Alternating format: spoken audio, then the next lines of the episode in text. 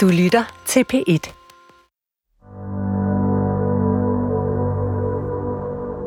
Kan vi ikke bare snakke om den der pistol? For jeg ved ikke, hvordan jeg fik den. Jeg ved, at vi kom hjem til farfar, og så var den der pludselig. Ja, nej, jeg smuglede den i år. Jeg hedder Simon, og jeg er halvt dansk, halvt svensk. Opvokset i Sverige. Øh, men jeg, jeg har ikke hele ligesom, billedet af, hvordan den kom ind i mit liv. Pistolen? Ja. Jeg snakker med min far om dengang, jeg var 8 år og fik en stor Magnum revolver. Ja, den købte jeg på Vesterbro. Den føltes tung og kold i hånden. Mm. Fed revolver, altså en Magnum, øh, som også er det samme våben, som øh, vores statsminister blev skudt med. Så jeg troede et stykke til, at jeg satte på det der øh, morvaben. Det er så en, en sag, jeg mener, altså det har været en meget flippet øh, opvækst, det må jeg godt sige. Og den har været meget... Øh... Vi vil vende tilbage til historien om revolveren på et senere tidspunkt. Den er nemlig et slags prolog til en meget større historie. Jeg har i mange år gerne ville forstå, hvad der egentlig er for en barndom, jeg har haft. Det er jo ganske unormalt at bo i en lille by i Astrid Lindgrens Småland og få en revolver i gave som 8-årig. Det jeg husker mest i et børneperspektiv fra den historie er, at øh, politiet lavede en razzia hos dig. Revolveren er på flere måder blevet som et symbol for den barndom, jeg fik. En hård barndom, men også en barndom med lommer af magiske stunder. Jeg har brugt lang tid på at tage tilløb til at fortælle historien. Haft svært ved at se, hvor jeg skulle starte og slutte. Jeg har haft brug for hjælp til at se historien udefra. Sætte det mange små brydstykker i et system. Okay, jeg tror, jeg tror vi bliver nødt til at starte fra, fra begyndelsen her. Og så mødte jeg Emil til en fest og begyndte at fortælle. Prøv at fortælle historien om Simons pistol. Og jeg blev hurtigt fanget af Simons historier om danskerne i skoven. Serien her har vi valgt at kalde Kolonien. Det var lidt Eldorado over det, som når man kom herop dengang, der var ingen regler rigtigt, og ingen, der kontrollerede. Det er en skandinavisk krønike om en flok danskere, der op igennem 70'erne tog til Sverige for at skabe en anden type samfund og udleve en drøm om frihed. Ej, nu er vi kommet til det forlovede land. Nogle er blevet lykkelige her, mens andre er flygtet herfra. Aldrig skal jeg sætte min fod i det fucking land med de idioter igen, ikke? Nogle har fundet den frihed, de søgte. Jeg tror sgu ikke, jeg havde overlevet, hvis jeg var blevet i København. Imens andre er havnet i fængsel. Her i 2019 er vi mange, der drømmer om at hoppe af hamsterhjulet og flytte ud i naturen og søge lykken. Men det er ikke en ny drøm. Den er blevet udlevet før. Og den historie, vi skal til at fortælle nu, handler om, hvordan sådan et projekt kan gå. Det her er første episode, og den har vi valgt at kalde for Pioneren.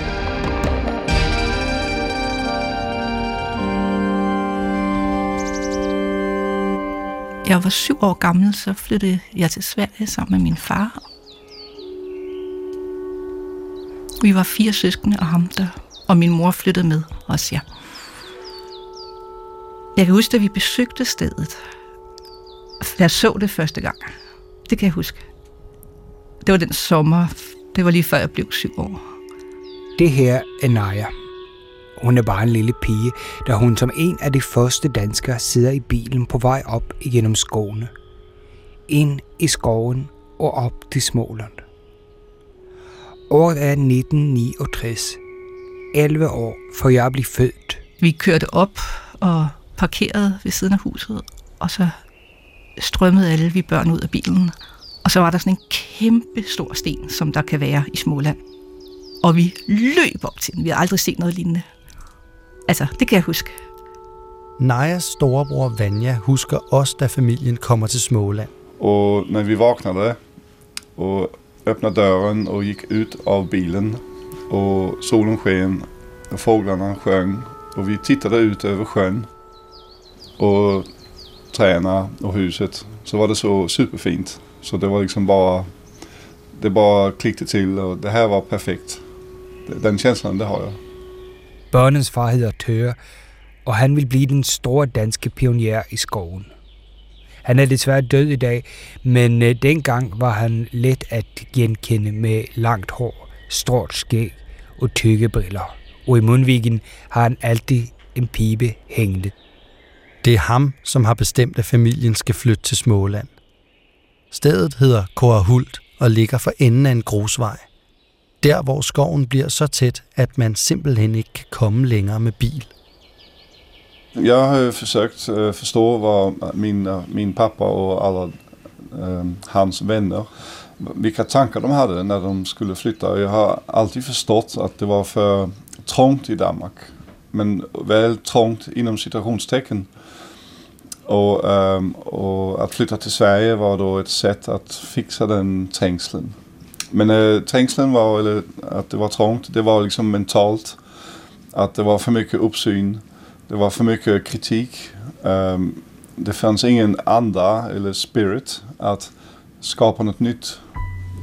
Och det var lite ja, social kontrol kanske. Vanja, Tøres søn, fortæller, at en af grundene til, at danskerne tog afsted, var, at der ikke rigtig var plads til at tænke nyt og frit der, hvor de kom fra. At der var blevet fortrængt mentalt i Danmark. Tør har sammen med sin egen familie og et par andre danske familier flyttet til Sverige for at give deres børn noget, de ikke kan få i Danmark. Fabelagtig natur og masser af plads og frihed til at lege og lære. Planen er at starte en international friskole ud fra tidens mest progressive og moderne idéer. Børnene skal selv være med til at styre undervisningen og selv finde lysten til at ville lære, uden en autoritær voksen, der tvinger dem til det. I august 1969 starter skolen med 12 danske elever. Fire af dem er Tøres børn, og resten kommer fra de andre danske familier, der er taget med op. Men tingene går ikke helt som de voksne har tænkt sig. Den kørte i, jeg kan ikke huske, et par måneder måske, og så kom de svenske myndigheder og lukkede den. På grund af de sanitære forhold. Var, tror jeg nok var argumentet. De svenske myndigheder stopper skoleprojektet, inden det er nået at gå i gang, og de danske børn får en helt anderledes skolegang end planlagt. Det vender vi tilbage til i næste episode. For der er også andre ting blandt danskerne i skoven, der ikke går efter planen. De skændtes hele tiden det sidste stykke tid. Min mor skændtes. Hun tog med, men kunne ikke holde ud og bo op i vildmarken. Så, og så tog hun til København for at tjene nogle penge. Og så til sidst så blev hun bare dernede. Og så blev de skilt. Jeg havde det fint med det. Øh, jeg har aldrig haft et særligt tæt forhold til min mor, heller ikke da jeg var barn. Så det var egentlig rart. Altså, hun betød ikke noget for mig. Det lyder barsk. Et barn på syv år, der siger, hvad laver hun her? Ikke? Der tænker, hvad laver hun her? Men sådan var det.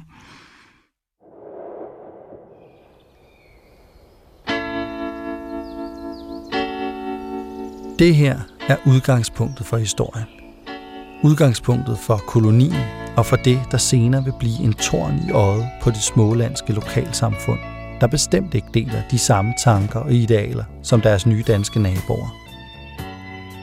På det her tidspunkt består kolonien af Tøger og hans fire børn, der bor på en stor grund klemt inde mellem søen og den uendelige smålandske skov, med de andre danske familier inden for en meget overskuelig afstand. Så der boede vi alene, os fem i det første år.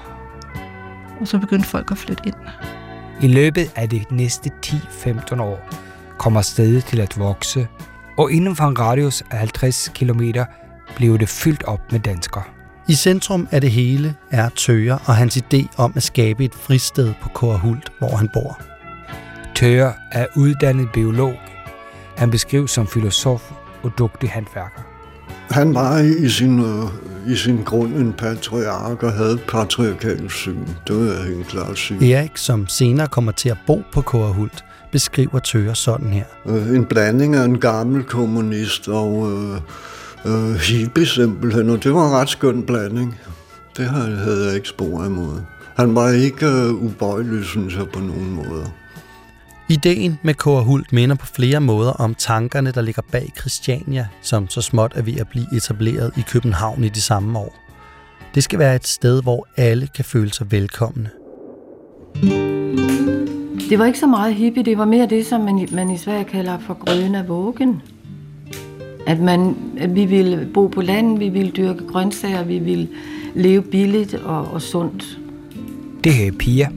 Hun er i slutningen af 60'erne i dag. Men dengang, da hun besøger det danske nybyggerne i Småland for første gang, er hun ikke fyldt 20 nu. Og alt efter hvis det er mig eller Emil, der stiller spørgsmål, så skifter hun i sproget. Og øh, havde det en vældig svår øh, ungdomstid, pubertet og ungdomstid, øh, og kendte mig ret ensam og utanför. Jeg hårdtatte skolen, hårdtatte, hårdtatte, hårdtatte skolen, men jeg klarede mig igennem. Flyttede hjemmefra, når jeg var 16, øh, fra min pappa då. For han fik ny fryge og barn, og jeg kendte, at det var ingen plads for mig. Pia vil væk fra det liv, hun lever i Glostrup uden for København. Så langt væk som muligt faktisk. Først så tænkte jeg jo Sibirien, men det var jo håbløst, for det var jo, der kunne man jo ikke komme ind. Og så tænkte jeg Canada, det var jo også så langt bort. Men så var det, det blev Sverige. For det var jo næsten lige som Kanada. Og då, det endte, jeg vidste om Sverige, det var, at jeg havde været i Malmø på nogle skolerejser.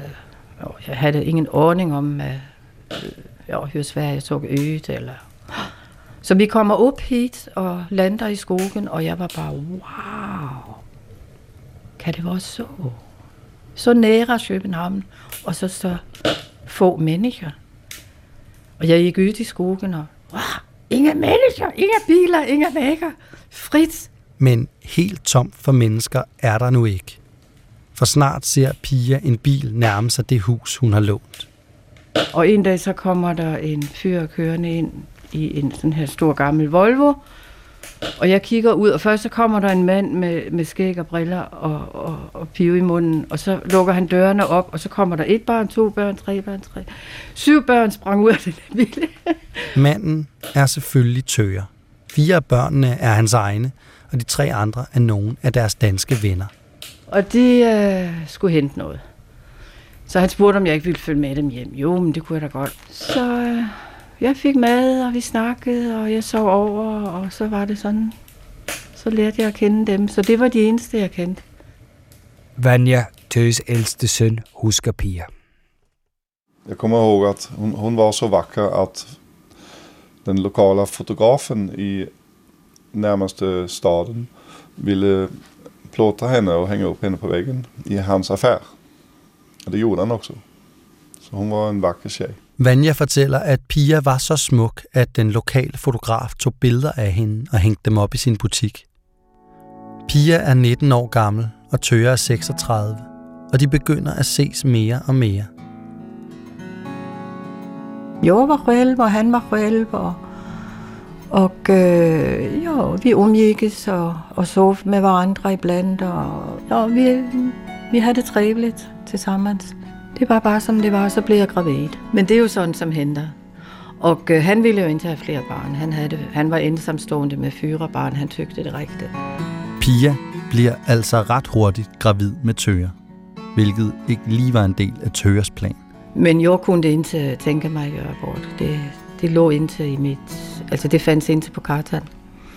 Så jeg skulle have det her barnet, og var jo også vældig ung og naiv og og så og tænkte, men det er da klart, at det skal gå bra, og det er ingen problemer. Jeg kan vel klare et barn. Og... Jeg kunne det alt. Pia og Tøger bor aldrig i samme hus. Til gengæld så flytter hun ind i nabohuset Grønkulla, 200 meter fra, hvor Tøger bor. Og Tøgers datter Naja er rigtig glad for, at Pia har flyttet ind.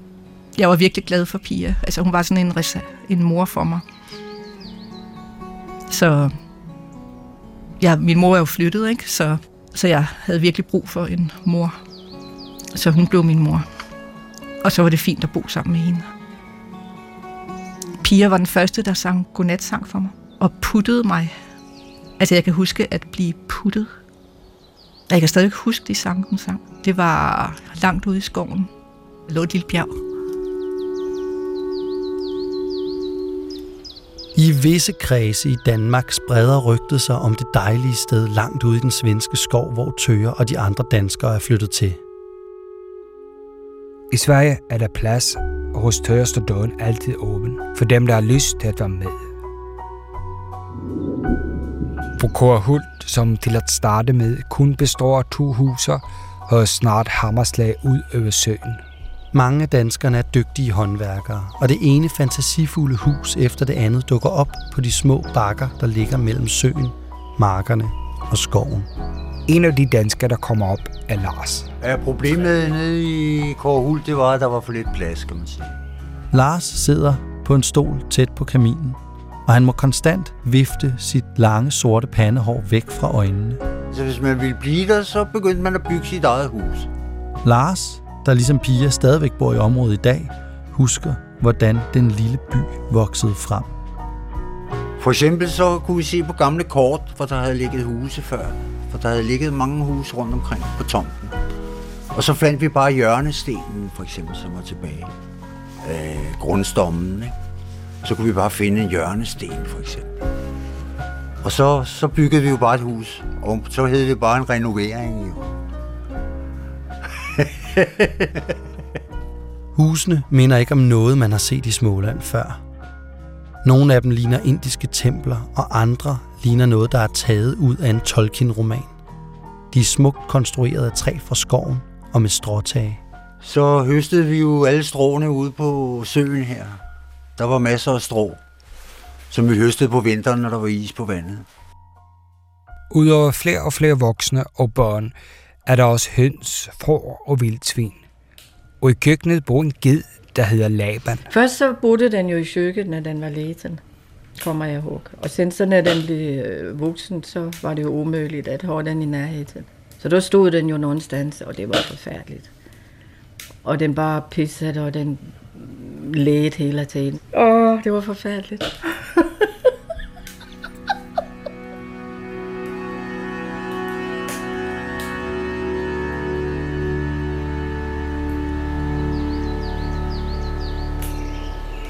Vi legede utrolig meget, og det tror jeg også er vigtigt, at alting var ikke bare arbejde.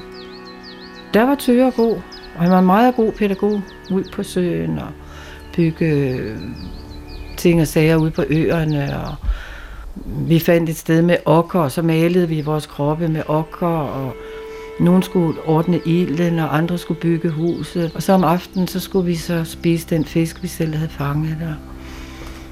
Og så sad vi jo, øh, jeg vil ikke skære hovedet af fisken. Hvis du skal have fisk, så skal du skære hovedet af den fisk, sagde jeg. Nå, ja, okay. Drømmen om plads og frihed langt fra det danske samfunds kontrol og tvang, som bragte Tøge og de andre danske familier til Småland, har blevet til virkelighed. Vi danser over engene nede i Kårehult. Vi dansede rundt der i en lang rad. Rie, der i dag taler lige så godt svensk, som hun taler dansk, var dengang bare en lille pige. Øh, og Frank længst frem med mundspil, og så mindes jeg, eller mindes jeg, vi dansede rundt der. I en Drømmen om fristedet midt i naturen lader til at være gået i opfyldelse. Magiske sommeraftener, duften af bål, kædedans til den lyse morgen. De var urørlige i deres lille boble. Sådan virkede det i hvert fald. Men den første sommer vil ikke vare for evigt. Och då kan det vara att jag till och med har varit så liten så att jag inte ens har förstått att det här som jag gör nu är det som blir ett problem sen. Alltså, jag kanske inte har mødt svenskarna ens ved det. Det lykkelige minde, hvor Rie danser rundt på engen, kun omgivet af danskere, kan hun i tilbageblik se, at det, der bliver et problem senere. At danskere og svenskere er skarpt adskilte. Det omkringliggende svenske landsbysamfund deler bestemt ikke samme begejstring for det nye eksperiment, der er flyttet ind i deres baghave. Og et lille hint om den svenske indstilling får de danske nybyggere en dag, da Hannes stefar møder en lille svensk dreng på cykel. Så kom en liten treåring på cykel og så Dansk jævel!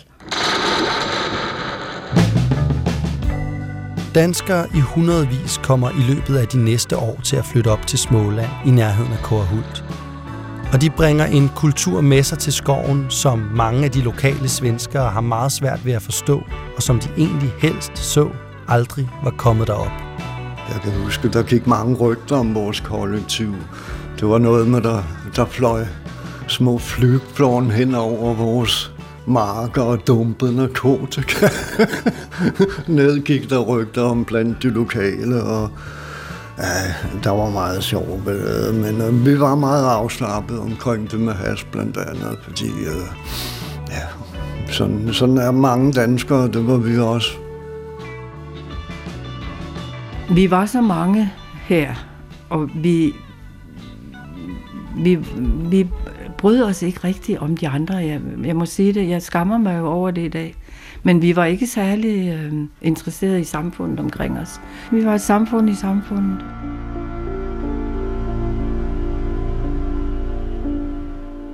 Det danske parallelsamfund er meget mærkeligt for smålændingene. Det er ikke bare de danske huse, som ser anderledes ud end dem, man ellers kan se rundt om i landsbyerne. Menneskene skiller sig også ud. Både mænd og kvinder har langt hår, islandske svætter og lange, farverige vanter. Den danske koloni ligger i det, man kalder glasriget. Hver by med respekt for sig selv har sit eget glasbrug.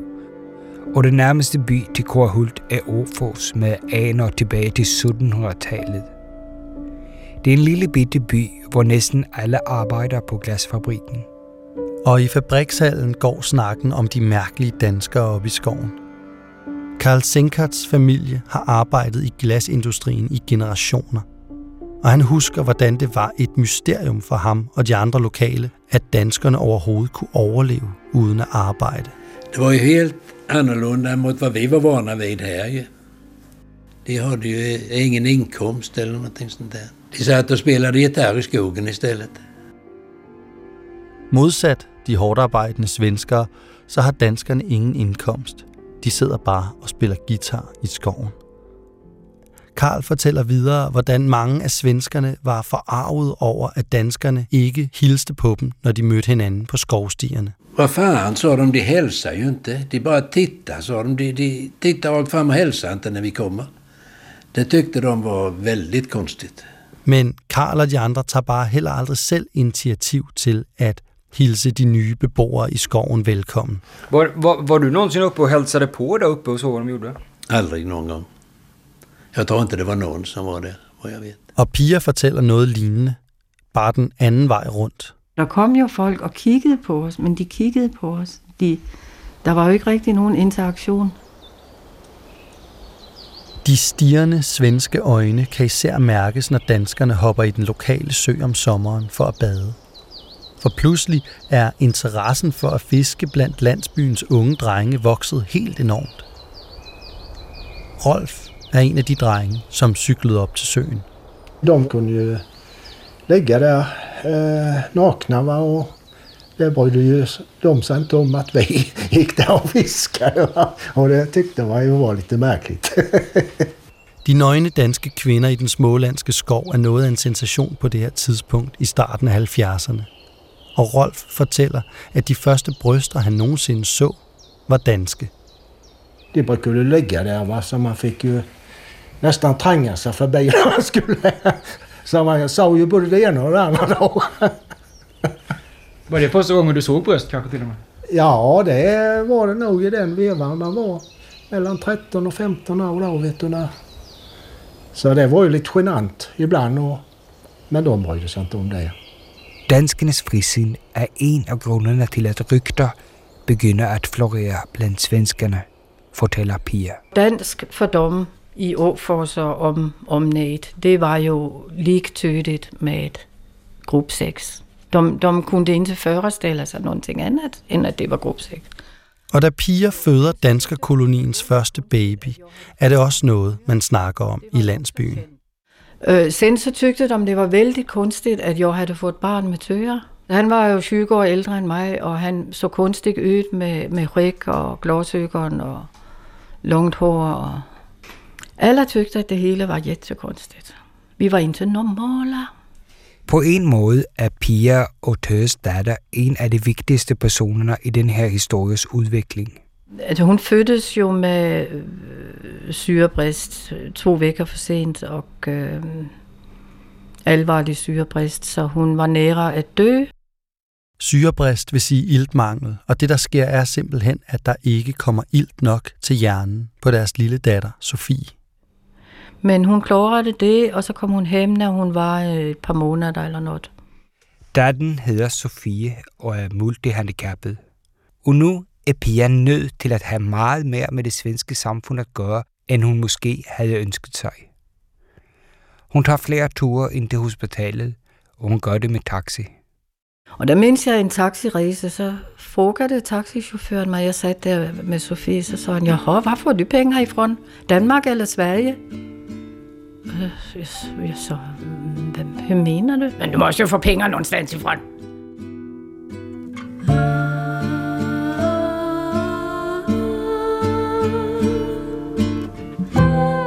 Taxachaufføren vil, som så mange andre i området, vide, hvor Pia får sine penge fra. Og selvom han gør det på en uelegant måde, så rammer han faktisk et ømt punkt. Pengene. For danskerne har virkelig ikke særlig mange penge. Men så er det, at der er nogen, der har hørt om en ny måde, man kan tjene penge på. En løsning, der kommer til at ændre alt i kolonien. Altså for at lave penge simpelthen, så kunne vi tage imod narkomaner fra København. Så vi tænkte, jamen det kunne måske være noget. Du har lyttet til Koloni. Serien er fortalt og produceret af Simon Moser og Emil Rothstein Christensen, og Rune Spar Gertsen er redaktør.